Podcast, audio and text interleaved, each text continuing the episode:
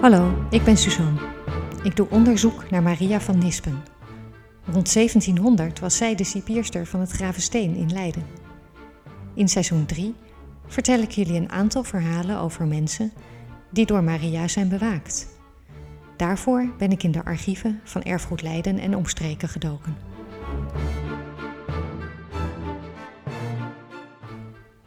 De vorige aflevering eindigde ik met een keuze.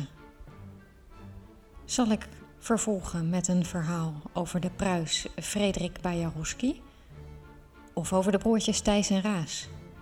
Het heeft lang geduurd voordat ik een keuze maakte en dat lag voor een deel aan familieomstandigheden, voor een deel aan de zomervakantie en voor een deel aan mijn eigen luidigheid. Maar ik heb besloten, het worden Thijs en Raas.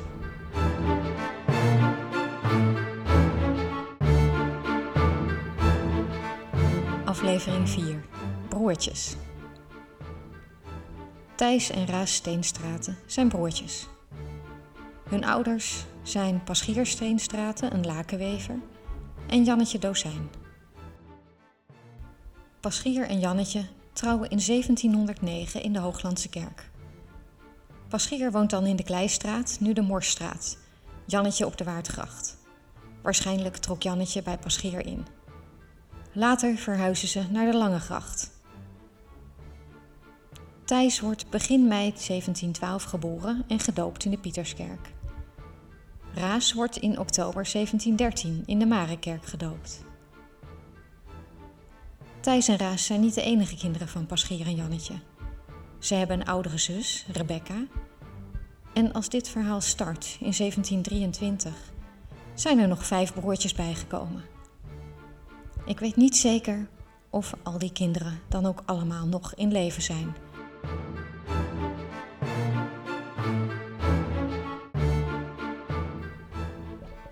Voordat ik verder vertel over Thijs en Raas en hoe zij in aanraking zijn gekomen met justitie, eerst iets meer over hun vader, Paschier, de lakenwever. In 1723, als Thijs en Raas 10 en 9 zijn en hun broertje Isaac nog een baby, verlaat Paschier Leiden. Hij laat het gezin achter. Paschier gaat naar Dordrecht om te werken. Eerst woont hij acht dagen bij zijn meutje Marie Dozijn.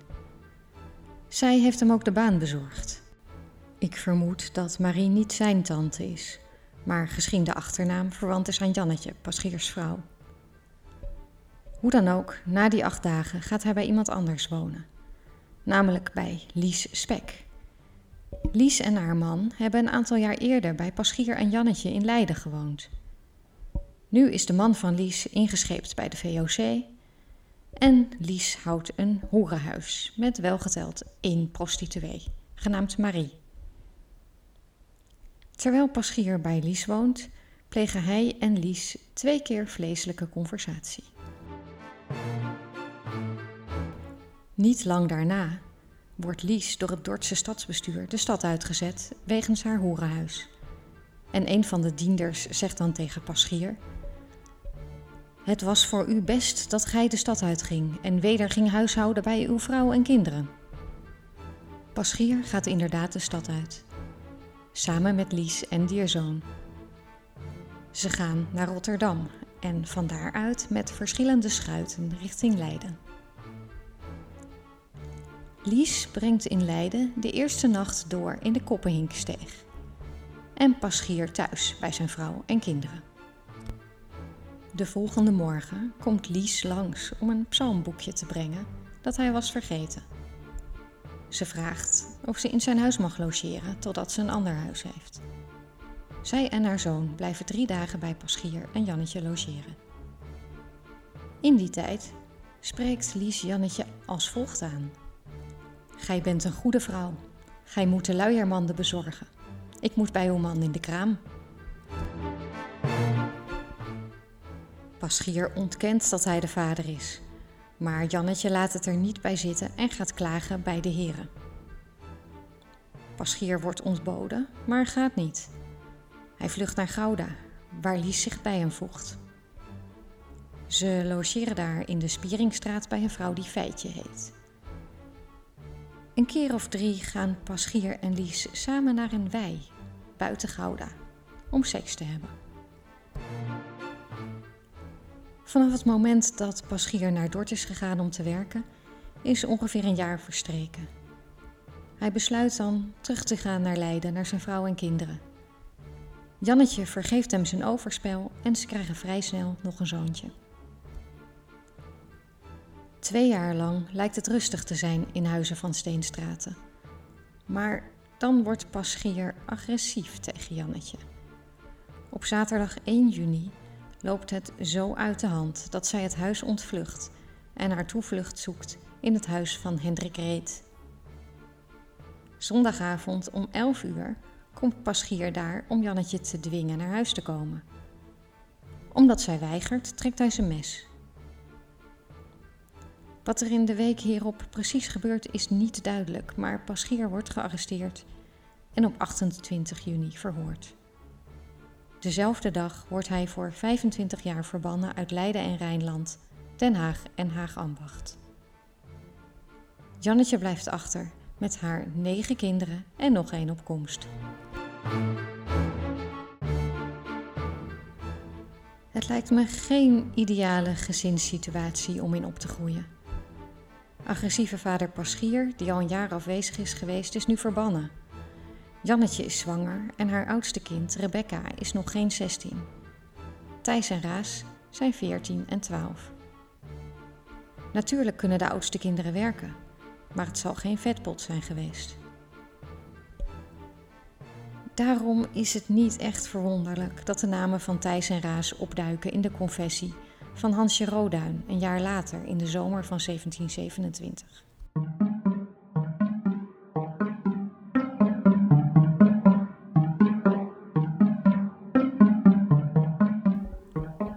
Hansje is op dat moment acht jaar en vier maanden en hij wordt behoorlijk streng ondervraagd.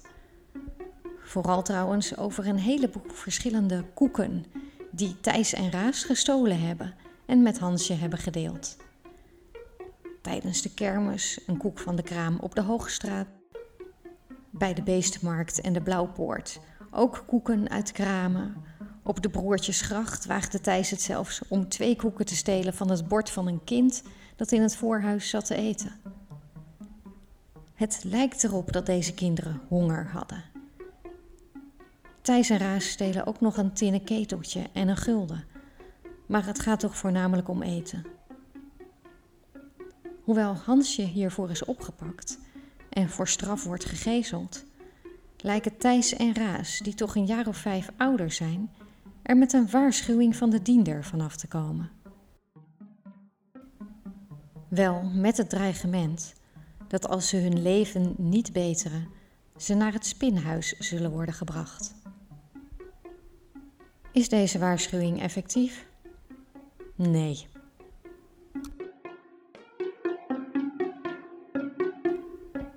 De volgende winter worden Thijs en Raas toch weer opgepakt. Ze lijken hun activiteiten te hebben uitgebreid naar meer gebruiksvoorwerpen. Ook hebben ze wat meer handlangers gevonden. Manke Isaak, Pieter Groffie, Janker, Jan Baggerman, Arjaan. In diverse samenstellingen hebben ze het volgende gestolen. Uit een winkel op de Voldersgracht. Vijf kaarsen en vijf kokkinjes. Een soort snoep. Denk aan de kokintjes van nu. Een ijzeren schroef van een zwaardveger. Dat is iemand die wapens onderhoudt. Een zilveren gesp uit een kinderschort bij de koepoort. Krenten, rozijnen, kruidkoekjes, beschuit, tarwebroodjes van verschillende bakkers. In de Sint-Jorissteeg uit het venster van Klein Henke een koperen tabaksdoos. Uit een ton in de Groene Steeg vijf pokkingen. En een stuk zoete melkse kaas uit een kaaswinkel in de Koolstraat.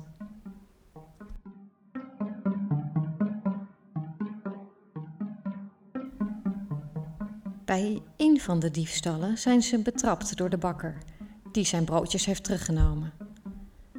Bij een volgende diefstal Als ze enkele stukken zoete koek ontvreemden uit de koekwinkel in de donkersteeg, worden Thijs, Raas en hun leeftijdsgenoot Pieter Groffie uit Breda gearresteerd. Ditmaal blijft het niet bij een waarschuwing. De drie jongens worden binnenskamers op het bankje wel strengelijk gegezeld. Dat is de gebruikelijke straf voor jonge dieven. Het is binnenskamers, niet in het openbaar.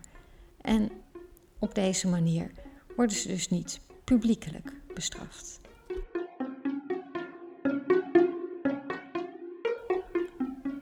Daarna kunnen Thijs en Raas weer terug naar huis.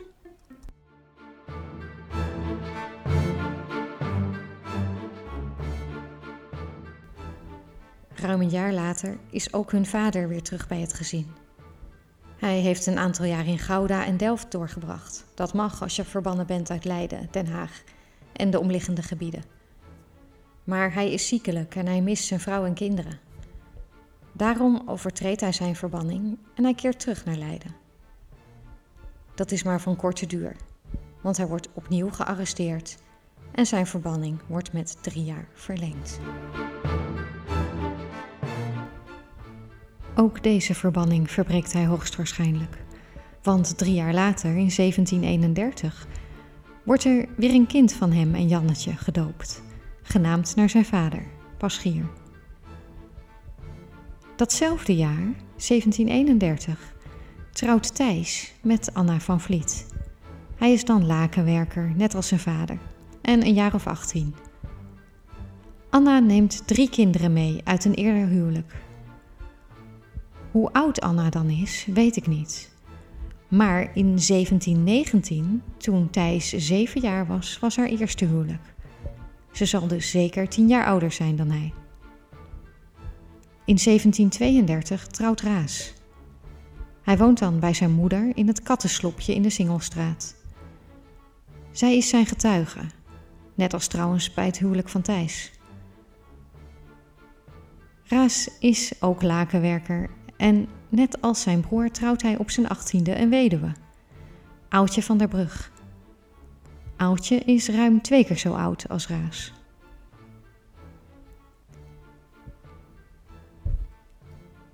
In 1745 hertrouwt hun moeder, Jannetje Dozijn.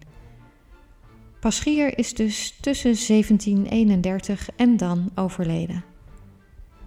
Ze trouwt met Willem Kolderman, een weduwnaar, en haar schoondochter, Aaltje, is een van de getuigen.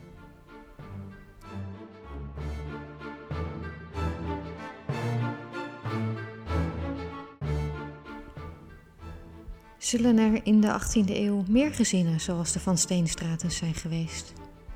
Vast. Alleen zij zijn net niet met justitie in aanraking gekomen. Doordat Paschier, Thijs en Raas zijn gearresteerd en veroordeeld, krijgen we een vermoeden van hoe het leven van dit gezin eruit heeft gezien. Paschier werkte in de lakennijverheid, Jannetje waarschijnlijk ook, en Thijs en Raas komen in dezelfde nering terecht. Zo te lezen was het geen vetpot. Het ging ook slecht met de textielnijverheid in 18e eeuws Leiden. Paschier ging naar Dordrecht om daar te werken. Hij hernieuwde daar de kennis met Lijs Spek, kwam terug bij Jannetje en zij vergaf hem. Toen hij werd verbannen, moest het gezin het weer zonder hem rooien. Thijs en Raas zochten andere mogelijkheden om aan eten te komen. Uiteindelijk trouwden de jongens zodra ze 18 waren met weduwen die een stuk ouder waren dan zij. Ik heb van hen zelf ook geen kinderen kunnen traceren.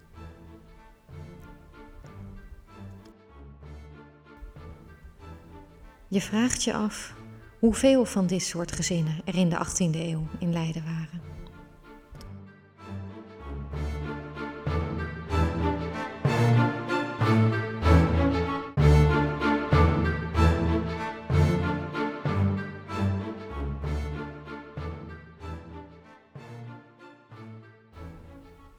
Dit was aflevering 3 van seizoen 3 van De Cipierster. De volgende aflevering dan toch echt Frederik Bajarowski. Dankjewel voor het luisteren.